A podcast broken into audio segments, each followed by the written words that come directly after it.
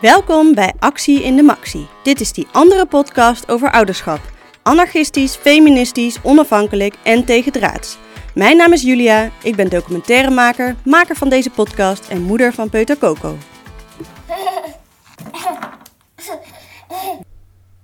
Ja, en welkom wederom bij aflevering 4 alweer. Vandaag ga ik het hebben over waarvoor ik deze podcast misschien eigenlijk in de kern wel ben begonnen: activisme en ouderschap. Ehm, hoe doe je dat? Hoe doe je dat veilig? Hoe vorm je kinderen hun eigen ideeën en meningen? Wat vinden kinderen daar zelf van? Zelf ben ik sinds de geboorte van mijn dochter al wel naar diverse demonstraties en acties geweest. En Coco heeft ook al een kleine blokkade van de toegangsweg van een energiecentrale meegemaakt. Maar toch is het nog nooit echt risicovol geweest of dat ik een onveilig uh, gevoel had. Ook is ze nog te klein om het echt met haar te hebben over het thema en het doel van de demonstratie. Um, dus ik was heel erg op zoek naar uh, uh, ervaringen van andere ouders. Maar ik kwam uh, terecht bij krakerskindje Fenna, die is inmiddels 18. En die um, ja, blikt terug en reflecteert op een jeugdvol actie in de maxi, zou je kunnen zeggen. En alvast een kleine spoiler voor straks. ik spreek ook met de vader van Fenna. Um, dus we hebben eigenlijk een soort ja, portretje van een activistische familie vandaag.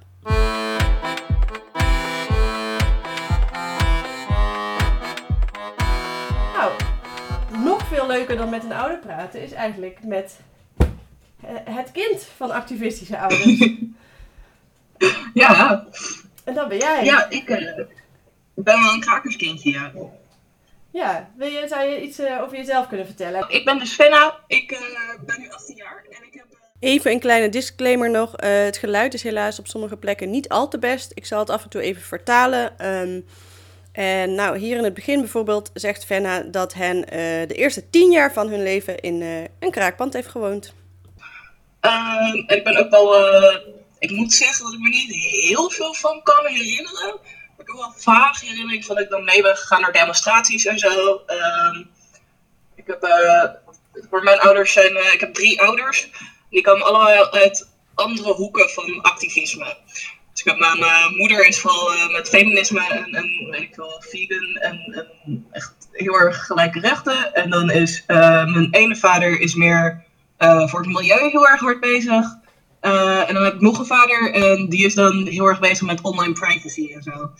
Um, en zelf, zelf vind ik gender heel belangrijk. En gelijke rechten natuurlijk. Ja, ik wil kunst gaan doen en daar ook wat activisme in stoppen. Oké, en uh, je zei al even van ik herinner me niet alles meer. Heb je een soort uh, vroegste herinnering van een actie of een demonstratie die je als kind hebt meegemaakt? Um, ik weet zeker de vroegste is.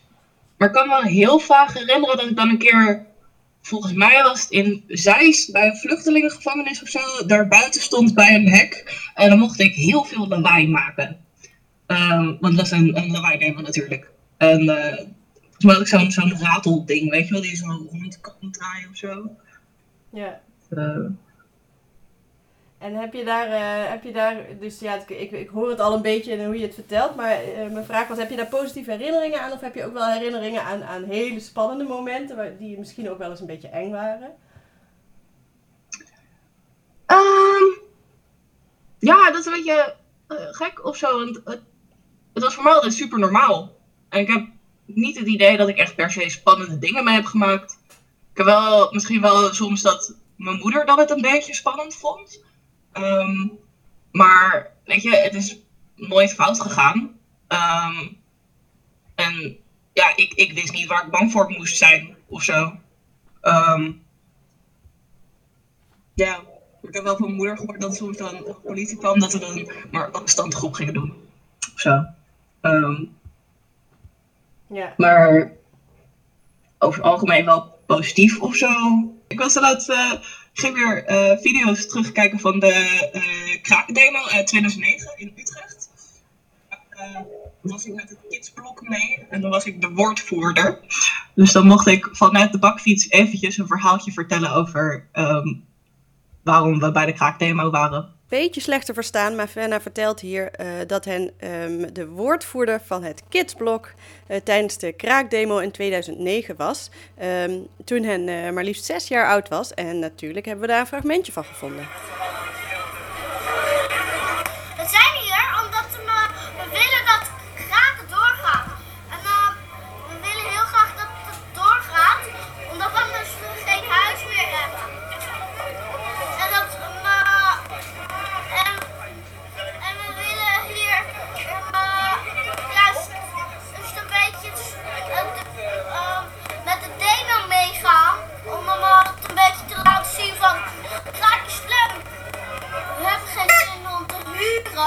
Niet om antikraak te doen. En niet om te kopen. Het kost allemaal geld. En wij hebben zoiets van. Wij, wij hebben van. Wij gaan gewoon kraken. Heb je het altijd leuk gevonden? Of had je op een gegeven moment op een bepaalde leeftijd ook zoiets van... Oh, moet ik weer mee naar een demo? Bleh, geen zin in. Of dat je het... Uh... Ja, wat vond je er eigenlijk van toen je wat ouder werd? Ja, ik weet niet. Toen ik wat ouder werd, toen... Sowieso um, woonden we toen niet meer gekraakt. En ik heb het idee dat volgens mij mijn ouders toen ook minder ermee bezig waren of zo. Of ze accepteerden gewoon volledig dat ik niet mee wou of zo. Ik weet niet meer precies waarom, maar ik heb al, al heel lang ben ik niet meer gegaan. Um, wel uh, vorig jaar naar de Black Lives Matter protest uh, in Utrecht. Mm -hmm. um, maar als kind, het, uh, ik weet niet, het was wel soms een beetje saai of zo. Of dan was het koud of honger, weet ik veel wat. Um, maar het voelde niet per se anders dan naar een museum gaan of zoiets. Of een uitstapje. Um, alleen dan niet met attracties of zo, maar met um, ja, demonstrerende mensen. ja, als er andere kinderen waren daar, dan ging ik daar natuurlijk mee spelen. Uh, misschien bij de weggeefwinkel zoeken naar leuke dingen of zo. Uh, ja, het klinkt eigenlijk alsof het inderdaad gewoon de normaalste zaak van de wereld was voor jou. En, um, ja, zeker. Ik kan me voorstellen dat het wel je blik op de wereld en ook op politie bijvoorbeeld best wel um, ja, heeft beïnvloed. En, en praten jullie daar dan thuis bijvoorbeeld vaak over van waar ga je tegen demonstreren en waarom? En ja, hoe ging dat? Ja, um, ja, ik merk soms wel dat ik echt een, een heel andere blik heb op mensen dan andere mensen. Um, ook bijvoorbeeld toen ik die filmpjes terug ging zien van de kraakdemo, toen zag je zo'n hele grote groepen van allemaal punks en zo, met, met allemaal uh, en zo. En die vond ik er allemaal super lief uitzien. En dan was er één oude man in pak, en die vond ik dan een beetje eng natuurlijk. Um, en de politie, daar heb ik altijd al een beetje, dat ik dacht van, oei, die mag gewoon een beetje uit de buurt blijven. Um, want, uh, ja, maar het wel, wel meegebracht dat politie op zich handig kan zijn als er daadwerkelijk gevaar is en zo. Maar niet, niet dat het de beste vriend is of zo. Um, jij, wil, um, jij, wilde als kind geen uh, politieagent worden later als je groot was? Oh nee, nee, zeker niet. Nee. En hoe uh, spraken jullie daar dan thuis over? Of spreken ook? Bijvoorbeeld ja, na zo'n demo of voor zo'n demo. Ik kan me voorstellen dat je ouders wel uitlegden van... Nou, we gaan hierheen om deze en deze reden. Of hoe ging dat? Um, ik, weet, ik moet zeggen dat ik me bijna niet kan herinneren eigenlijk. Um, ja, want de laatste was dus de Black Lives Matter. Maar daar dat was vorig jaar, dus toen kon ik mezelf al bedenken van, oh ja, wacht, dit is belangrijk, want, maar, weet je, mensen horen niet zo behandeld te worden. Um, en bijvoorbeeld bij de kraakdemo, daar, ik, ik woonde toen nog gekraakt. Dus voor mij was het toen zo van, uh, ja, mensen willen dat kraken stopt, maar ik woon in een kraakpand en ik wil graag niet mijn huis uit. Dus daarom sta ik hier, of zo. Ja, dat kan me voorstellen. Um, dus het, de, de, de thema's waar je bijvoorbeeld uh, naar demo's of acties tegen ging, die waren eigenlijk zo vanzelfsprekend. En er werd waarschijnlijk wel vaker in huis gepraat over politieke thema's. Dat het ja, dat je niet heel erg hoeft te, voor, te worden voorbereid op zo'n eh, actie of zo. Ja. Ja. Ja, sowieso heel veel van die meer activistische dingen of zo. Die zijn voor mij gewoon zo zelfsprekend. Het is gewoon, weet je, dat ik van zo, gewoon mensen op een normale manier behandelen en een huis geven als ze dat nodig hebben. Dat, waarom niet? Ehm, En heb je, eh, want toen je best wel klein was, ja, ik kan me voorstellen dat als je dan na het weekend op school kwam, dat, eh, dat dan kinderen vertelden dat ze naar Walibi waren geweest in de kring. En dan vertelde jij van, ja, wij zijn naar de klimaatdemo geweest of zo. Ja, dat is ook. ehm, mijn, mijn school sloot daar op zich best wel mooi bij aan, want het was geen, eh reguliere school, maar een eh democraat. Eh, een hele hoop hippies en eh, mensen die sowieso wat vrijer denken. Ehm, maar het hele idee van de school is dat je een kind de ruimte kan gunnen om zelf te bepalen wat ze willen doen. De speel, ja, we noemen daar docenten eh, en stafleden, die waren al bekend met dat soort dingen, dus die vonden het niet heel gek volgens mij. Ehm, ik had alleen wel soms, geloof ik, een vriendinnetje van mij die dan. Ik weet niet of ze nou echt niet bij mij thuis mocht komen of dat het gewoon heel spannend was. Maar ja, het was een beetje, een beetje ongemakkelijk met dat ik in een kraakpand woonde. Dat vond ze toch wel, toch wel erg spannend, geloof ik. Ja, en de ouders waarschijnlijk ook dan, kan ik me voorstellen. Ja, ja, ja, vooral de ouders, ja. Ja. En ehm, kan je je herinneren dat toen je misschien een beetje ging puberen of zo, dat je het ook wel eens heel erg oneens was met je ouders? Ja, natuurlijk wel eens over iets, maar over, over activistische dingen. Of dat je dingen stom begon te vinden van ze. Ja. Nou. ja. Ja. ehm, ik weet niet. Ik heb wel. Soms, soms heb ik wel gedacht van ja, jeetje, overdrijft mijn moeder niet gewoon heel erg hard. En dan kijk ik nu terug en is van op zich wel mee eigenlijk. Ehm, maar ik ben meer oneens geweest met de opvoeding dan hun politieke standpunten, denk ik. Ik heb het wel ik heb heel moeilijk gehad met de vrijheid. Ehm, want die had ik veel te veel gekregen. En daar had ik een beetje misbruik van gemaakt. En toen eh, was ik daar iets te laat achter gekomen. En toen eh, was ik wel eens van ja, ik kan nu met regels aankomen zetten. Maar daar ben ik niet mee eens. Fuck dat. Ehm, dat had je eerder moeten doen. nu is het te laat. Ehm, maar goed, ik heb wel een soort van regels en er wel een soort van geluisterd. Het is eigenlijk allemaal goed gekomen. Ehm, maar heb ik het wel eventjes, eventjes een beetje moeilijk mee. Ja. ja. En dat vroeg ik me ook af. Zijn jouw ouders bijvoorbeeld wel eens opgepakt bij een actie? Misschien niet zozeer waar jij bij was, maar als zoiets gebeurde, en zo ja, hoe voelde dat dan? Want dat lijkt me ook heel spannend. Ja. Ehm weet ik niet, eigenlijk. Ik weet niet, mijn ouders hebben wel verteld. Hier vertelt Fenna dat hun vader een keer eh, was opgepakt en dat ze met z'n allen naar eh, het politiebureau gingen voor een eh, lawaai-demonstratie. En dat mm, ze hoopten dat Fenna heel veel lawaai zou gaan maken. Maar ehm, En dat ze dan heel graag hadden gehoopt dat ik heel hard zou gaan schreeuwen. Maar ik bleef gewoon slapen. Ehm, maar daar kan ik niks van herinneren. Ehm, mijn moeder is er altijd heel voorzichtig mee geweest. Dus eh, als het een beetje spannend werd, dan eh, ging we geloof ik gelijk weer weg. En eh, ja, afstand goed doen dus. Ja. Ja, dus je hebt niet het gevoel van... want ik kan me voorstellen bijvoorbeeld... nou, mijn vader bijvoorbeeld, die helemaal niet indrukwekkend... maar in die tijd, die blode bijvoorbeeld best wel veel. En dat vond ik soms... ik weet nog op een bepaalde leeftijd dat ik het gevoel opeens had op de basisschool van... Oeh, mijn vader gebruikt drugs. En dat doen andere vaders niet. en dat ik dat eigenlijk heel moeilijk vond opeens. Omdat ik opeens merkte van... Oh, dit is iets wat vaders niet horen te doen of zo.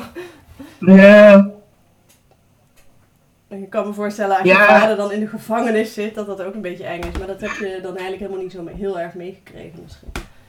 Nee, nee, niet per se met gevangenis.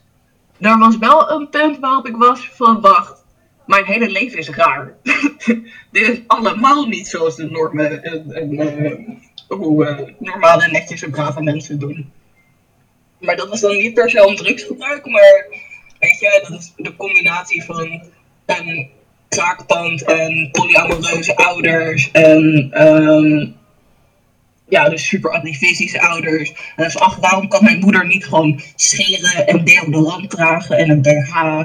En scher ik ook niet altijd en draag ik ook geen BH meer, dus ik snap het nu wel. Maar dat, uh, was er wel een, een punt waarop ik was van, wacht, dit is anders dan bij andere mensen.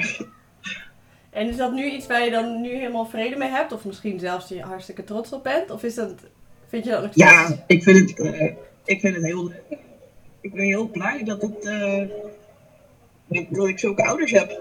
Weet je, als ik kijk naar mensen die, weet ik veel, het huis uit worden getrapt omdat ze homo zijn, dan denk ik van jeetje.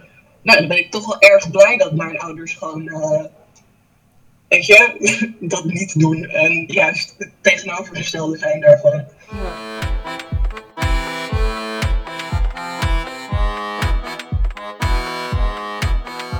ja, wat een uh, mooi en lief einde van uh, dit gesprek met uh, krakerskindje Fenna, die inmiddels volwassen is natuurlijk. Um, ja, en ook een mooie overgang naar het gesprek met hun vader. Dus even kijken hoe die erover denkt. Wat fijn dat je tijd kon maken, want je bent hartstikke druk. Ja, altijd al natuurlijk, maar zeker deze weken. Superleuk. Zeker. Misschien ja. uh, om gelijk uh, met de deur in huis te vallen. Um, ja, jij was activist voordat je ouder werd. Ja. Een kind kreeg. Uh, ja. Um, ja, had je daar wel wel eens over nagedacht hoe, hoe dat gecombineerd zou kunnen worden? Nee, erger nog. precies een jaar voordat Fenna geboren werd, heb ik een interview gegeven waarin ik gezegd heb ja, ik ga voorlopig geen, geen kinderen nemen, want dat is gewoon niet te combineren met activisme. Um, en um, ja, die zwangerschap was ook niet echt gepland. Um, maar ja, toen dat gebeurde, uh, hadden we zoiets van, laten we dit gewoon gaan doen. En dat deden we met z'n drieën. Er waren drie ouders in het spel. En en ja, we waren alle drie activisten. Dus voor ons was het eigenlijk vanzelfsprekend om daarmee door te gaan. En dat gaf ook wel heel veel, heel veel ruimte om dat uh, te doen. Um, want uh, ja, was, we hadden wel de afspraak dat als, we, ja, als we meer risicovolle acties gingen doen, er altijd iemand was die er voor was. En dat waren dat afspraken die jullie eigenlijk al maakten voordat zij geboren werd? Ja, dat kan ik me dan, dat is, uh, dat is alweer 18 jaar geleden, dus dat kan ik me niet meer zo heel precies herinneren. Maar ja, daar, daar hebben we het wel over gehad, van hoe, ja, hoe gaan we dat doen en uh, wat voor risico's neem je en ja, wat, wat komt daarbij kijken. Dat, um, en ja, daar hebben we, hebben we wel onze weg in weten te vinden. Maar ja, ik zag om me heen ook genoeg andere ja, mede-activisten met wie ik jaren opgetrokken ben. En die, ja, die, die kregen kinderen en stopten er dus mee. En dat heb ik zelf altijd uh, doodzonde gevonden. Uh, want ja, daarmee ja, verlies je gewoon allerlei mensen met heel veel kennis en ervaring over activisme. Um, en ja, voor mezelf als klimaatactivist, um, ja, dat werd voor mij nog um, belangrijker en urgenter. Opeens had ik gewoon uh, een kleine reden naast me te zitten om uh, er nog fanatieker in te gaan. Ja, dat is wel mooi eigenlijk om het op die manier te zien. Dus je was eigenlijk ook nooit bang dat jij ook zo'n ouder zou worden die zou stoppen met activisme? Um, Nee, nee, omdat ik, ja, omdat ik altijd zoiets had van, ik, ja, dit is wie ik ben en dit wil ik gewoon doorzetten. Um, en altijd wel, ja, ook wel, ja, veel belang heb gehecht en ook veel gehad heb aan allerlei oudere activisten die al veel langer als ik meeliepen. En ehm, ja, heel veel, heel veel waarde zag in eh, ja, wat ze dan noemen een, een, een sociale beweging die, uh, die over meerdere generaties uh, heen bestaat. En ook ja, daarmee een beetje de mythe doorprikt dat activisme alleen voor jongeren is. En alleen ja, tot je een huis en kinderen krijgt en een vaste baan en verantwoordelijkheden en dan stop je er weer mee. Dat, uh, ja, daar heb ik me nooit bij neer willen leggen. Tot op de dag van vandaag. En uh, jullie woonden toen, als ik het goed eh, heb gekraakt, hè? Ja. Dus je in een kraakpand geboren, of in ieder geval ja. Ja. ja, de eerste tijd van het leven geweest. hebben jullie overwogen om daarmee, daarmee te stoppen? Of hebben jullie dingen aangepast waarvan je dacht, nou ja, dit is misschien toch onhandig, of gaat te ver, of ingewikkeld, of onveilig? Nou, we zijn toen wel um, iets anders gaan kraken als waar we woonden. Uh, maar dat was nog wel een, een, periode waarin kraken heel veel makkelijker was dan nu. Um, om uh, ja, gewoon een, een, rustigere plek en een stabielere plek uh, te creëren. En een plek met meer voorzieningen. En um, ja, met ook een, een kleiner groepje vrienden ja, die we ook wel ja, gezegd hebben van ja, wij, wij gaan iets, iets kraken om een gezinnetje te stichten. Dus als je bij ons komt wonen, dan, ja, dan heeft dat wel die consequentie. En daar gaat wel het hele huishouden op aangepast worden. En dat, uh, ja, dat komt niet op uh, de plek waar we, toen woonden. Um, dus in, ja, in die zin ja, was dat voor ons niet noodzakelijk. Het was meer ja, later, eigenlijk na het kraakverbod. we hebben daarna op een plek, tien jaar lang op dezelfde plek gewoond. En toen dat ophield, um, ja, gold het, het huidige kraakverbod al. Ja, en, en, toen was het wel van, ja, kraken wordt nu zo onstabiel. Um, dat, ja, dat gaat gewoon niet meer lukken. Uh, dus toen uh, zijn we gaan huren. En uh, je, je gaf al aan van, jullie zijn toen iets nieuws gaan kraken toen Fenna geboren werd. Want op de oude plek waar jullie woonden, ja, kon dat niet. Um, nu heb ik best wel wat, nou, met name moeders om me heen, die dus op het moment dat ze een kindje kregen, hun um, ja, vaak ex-kraakpand ex moesten verlaten. Dus hun woongroep omdat er dus best wel wat woongroepen of woonprojecten zijn waar uh, kinderen niet zo heel welkom zijn. Heb je het gevoel dat kinderen welkom zijn in de scene, zeg maar? Ja, de scene is een beetje een gek woord, maar... Ja, um, nou, ik, ik merk dat veel mensen een levensstijl hebben die dat niet toelaat. En uh, ja, zodra je een, een kind in huis hebt rondlopen als woongroep, ja, heeft dat allerlei consequenties. Uh, bepaalde dingen kunnen dan niet meer in de huiskamer.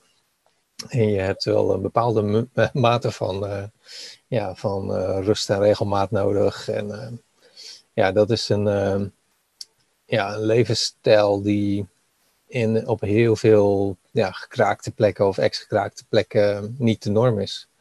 Dus ik denk dat daar meer het, het probleem in zit. En dan, uh, ja, dan krijg je inderdaad van die hele moeilijke gesprekken over, ja, uh, past het hier in de woongroep? Kiezen wij voor onze manier van leven nu? Of zijn we bereid die aan te passen aan, aan kinderen? En dan, ja, dan hebben, we, ja, hebben wel gezien dat dat, nou, op de plek waar wij woonden, was dat gewoon, nou, zagen wij dat zelf niet, niet gebeuren en niet zitten. Ehm, maar ja, dat was daar denk ik ook wel een, een lastige discussie geweest. Dat, uh, en ja, ik ken die verhalen ook van mensen die dan door de woongroep gevraagd worden om ja, toch ergens anders te gaan wonen. En dat, uh, ja, dat heeft een beetje, eh, dat heeft een beetje twee kanten, denk ik. Begrijp je dat, het op een bepaalde manier? Ja, ehm, ja en nee. Ehm, ik, zeg maar, de, de vader in mij denkt dan, ja, grow up. Uh, gedraag je een beetje verantwoordelijk en maak daar ruimte voor. Zo moeilijk is het niet. Maar ja, als jij heel erg hecht aan die levensstijl van feestjes vieren en ja, geen rust en regelmaat uh, thuis hebben en een beetje doen en laten waar je zin in hebt, ja, dan, dan is opeens een kind rond te hebben lopen in jouw huishouden, want dat is het toch. Ja, dat, dat vergt dan wel hele grote aanpassingen. Dus ik kan me voorstellen dat mensen die dat niet willen, ja, daar een beetje tegenaan hikken. Maar ja, zelf geloof ik heel erg in, uh, in daar wel ruimte voor maken. En ja, denk ik ook dat het heel veel de, de scene, als we het zo mogen noemen, goed zou doen als, uh, ja, als mensen daar wel toe bereid zijn. En misschien een bruggetje naar jouw, jouw, hoe zou ik het zeggen, soort activisme, klimaatactivisme met name. Mm Er zijn natuurlijk best wel wat mensen die, die zeggen, waaronder bijvoorbeeld mijn partner, ehm, ja, zeg maar, het, de, de, grootste fout die je kunt begaan is eigenlijk een kind op de wereld zetten als het gaat over klimaat. Um, ja, hoe, voelt dat, hoe voelde dat voor jou toen je vader werd en hoe zie je dat? Um, ja, voor mij was dat, ja, wat ik al zei, het was een ongelukje. Dus voor mij was het niet gepland en iets waar ik niet over heb hoeven nadenken. Ja. Uh, ik denk dat het, ja, dat ik, ik denk niet dat ik die bewuste keuze had gemaakt om vader te worden. Uh, maar achteraf echt super blij mee. Um, en ja, ik, ik vind het altijd een beetje, ja, zeg maar dat wij ons voortplanten en kinderen krijgen, is zo natuurlijk en zo deel van het leven. Um, ja, ik denk dat we uh, nog wel een paar andere dingen eerst kunnen doen voordat we stoppen met kinderen op de wereld zetten. Zoals uh, de rijken onteigenen en uh, al die grote vervuilers aanpakken. Um, dat, ja, ik vind dat een beetje een dubieuze retoriek. Ik denk niet dat de oplossing ligt in minder kinderen krijgen. En dat als je kijkt naar waar nu, want wat daar een beetje achter zit, is het hele idee van ja, bevolkingsgroei is een probleem. Ja, als je daar goed naar kijkt, pakt de bevolkingsgroei op dit moment af. En, zeker ehm, in West-Europa. Um, zie je dat we uh, de komende tijd naar een bevolkingskrimp uh, gaan. Dus dan, ehm, ja, ons, er gaat hier zo meteen, zodra alle babyboomers vertrokken zijn, weer plenty ruimte zijn. En, en dan is mijn, er is zo'n hele mooie film, Dum Dummer Dumpst, over, waarin alle slimme mensen besluiten geen kinderen meer te krijgen, want dat is het juiste ding om te doen. En alle, uh, nou ja, in die film nogal rechtse Trump-achtige figuren besluiten, dat, dat niet besluiten en dus op een gegeven moment de meerderheid zijn en de wereld overnemen. Um, ik denk dat we heel veel jonge, goede activisten nodig hebben. En uh, de beste manier om daarvoor uh, te zorgen is ze zelf op de wereld te zetten. Nou, dat, uh, dat heb jij gedaan volgens mij. En kun jij je nog herinneren de eerste actie of demonstratie of nou, activistische ding dat je met je dochter deed? ja, ehm, de eerste actie waar ze bij geweest was, was een lawaai-demonstratie voor, ja, ik noem hem altijd maar mijn collega-papa. Want die had, het was, ze is geboren op de op de dag dat uh, um, de Amerikanen Irak uh, binnenviel. En um, uh, ja, er was een, een, een, actie daaromheen. En daar zat hij vast. En daar zijn we heen geweest. En heeft ze nog iets, ja, toen was ze echt gewoon een paar maanden oud. Heeft ze nog iets door de megafoon geblerd. Um, maar ja, daar kan ze zich natuurlijk uh, helemaal niks meer van, uh, van herinneren. Um, maar ja, de, de, we, hebben er echt vanaf het begin af aan altijd meegenomen naar acties waar dat maar mogelijk was. Waar de, de, de setting maar veilig genoeg was om dat, om dat te kunnen doen. En uh, maakten jullie dan afspraken over veiligheid? Of, of past je zeg maar een beetje wel je, ja, je actievorm aan? Uh, ja, ik bedoel, ik, ik heb zelf heel veel, heel veel directe acties gedaan met blokkades en bezettingen en door, door linies Duitse ME heen gebroken en allemaal maf stunts. Ja, daar moet je geen kinderen in willen, willen wagen. Maar ehm, ja, gewoon de, de, gemiddelde demonstratie of uh, ja, ja, de wat vriendelijkere uh, acties, uh, daar is dat heel goed te doen. En daar, ja, daar hebben we altijd wel afspraken over gemaakt van ja, we letten altijd op wat er gebeurt. En we, ja, we zijn alle, alle drie ervaren activisten. En meestal kun je wel inschatten of, ehm, of iets even spannend wordt. En dan heb je, ja, als je gewoon goed op blijft letten, heb je ook altijd nog wel de, de tijd om, uh, uh, ja, om uh, eruit te stappen en een andere kant op te gaan. En dan is ook wel de ervaring dat ja, de politie vindt ehm, kinderen oppakken vreselijk ingewikkeld. dus als jij dan met een kind in je, hand, in je, in je armen zegt van hé, hey, ehm, ik wil hieruit, dan laten ze je altijd weggaan.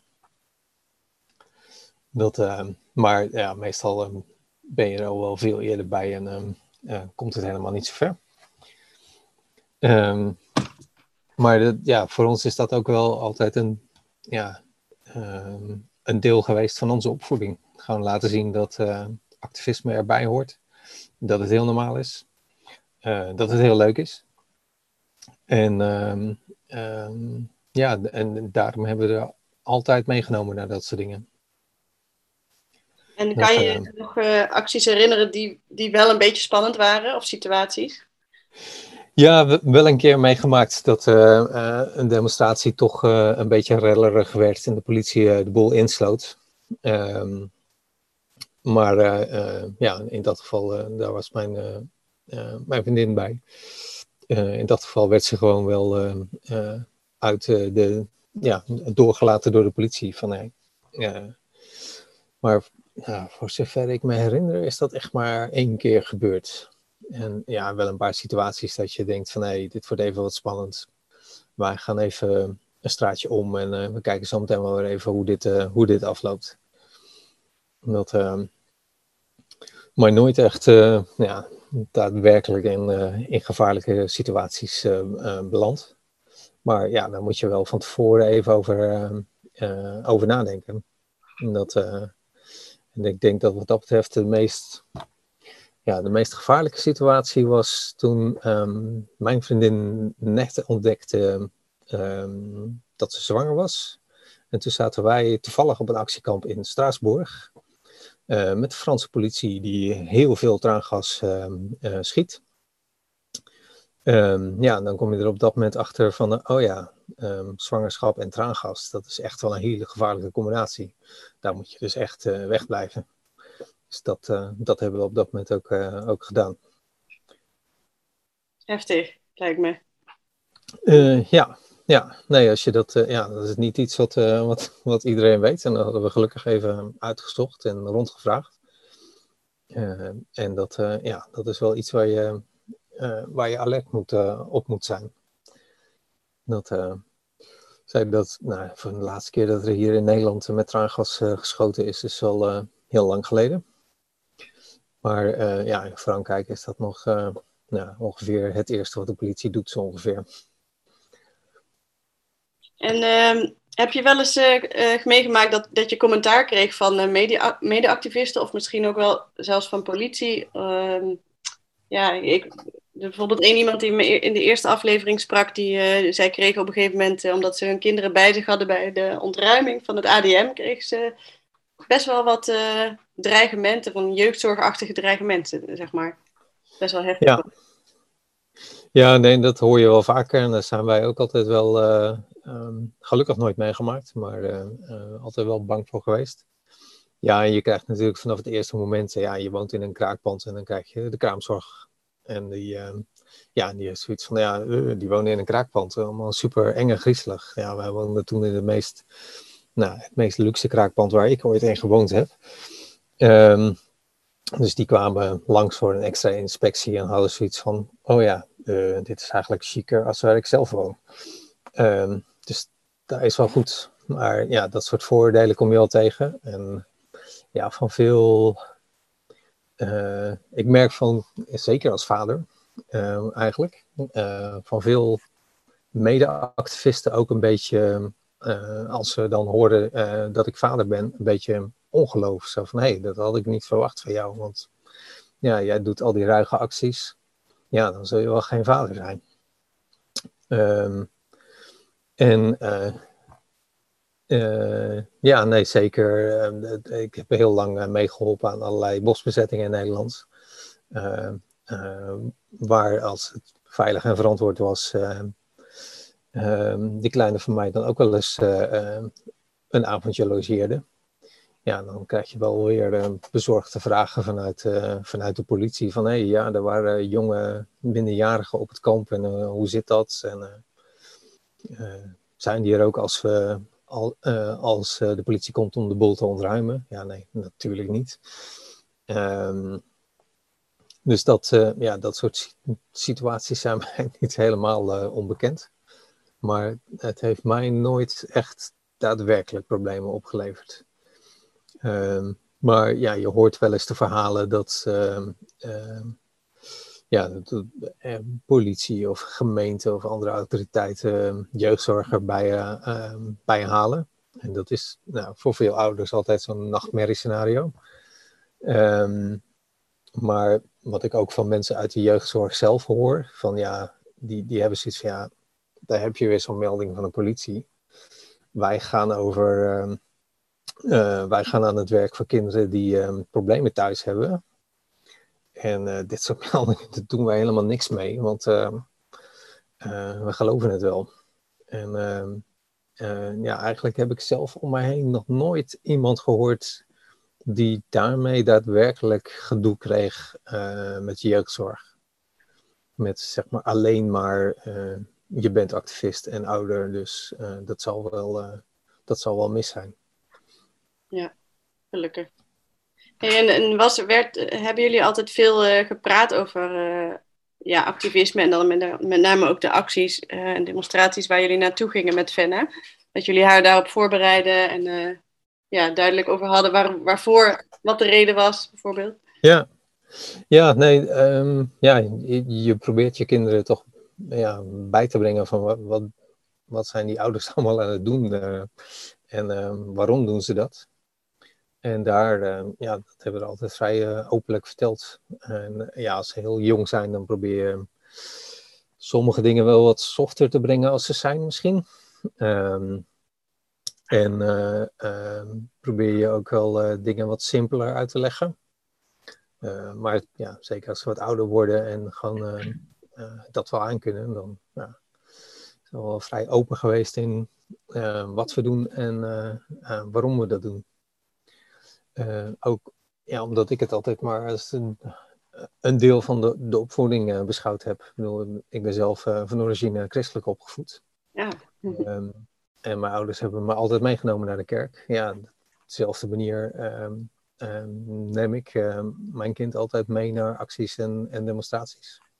En vertel ik daarover. En heb je het idee dat er altijd genoeg ruimte is geweest voor haar om een eigen mening te hebben over dingen?